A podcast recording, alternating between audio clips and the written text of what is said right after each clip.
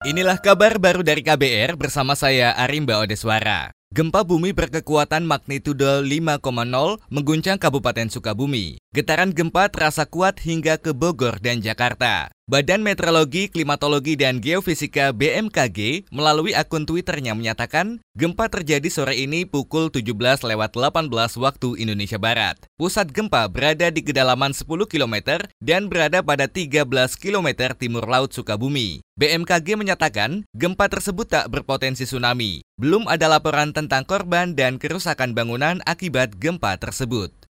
Kita beralih ke informasi saham saudara. Laju indeks harga saham gabungan IHSG hari ini ditutup di zona hijau 84,01 poin atau mengalami kenaikan sebesar 1,63 persen. Hari ini, IHSG berada di posisi tertinggi di 5.278,423 dan berada di titik terendah pada kedudukan 5.149,452. Pada penutupan IHSG hari ini, terdapat 250-an saham yang mengalami kenaikan dan 145 saham mengalami penurunan. Selain itu, terdapat 143 saham yang nilainya tidak berubah dan 140 saham tidak ada perdagangan.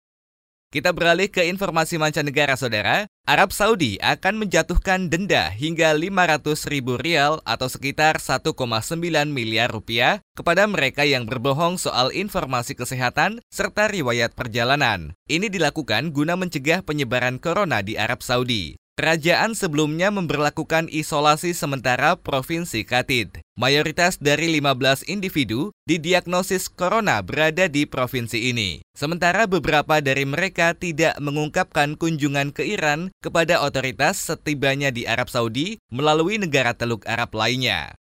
Kita beralih ke informasi lain saudara. Kementerian Agraria dan Tata Ruang Republik Indonesia akan mengaudit tata ruang di daerah Puncak Bogor guna mengatasi persoalan banjir di Jakarta. Dirjen Pengendalian Pemanfaatan Ruang dan Penguasaan Tanah Budi Situmorang mengatakan, pemerintah bakal menegakkan hukum terkait jika ada bangunan yang melanggar hak atas tanah. Itu mulai dari Katulampa ke atas. Ya, jadi itu di situ kalau kita lihat semua daerah hulu ini kan daerah daerah resapan air harusnya tetapi di sana sekaligus juga villa-villa. Tata ruangnya Pak Uki katakan 20% koefisien dasar bangunan. Tapi kan nyatanya di sana banyak yang lebih.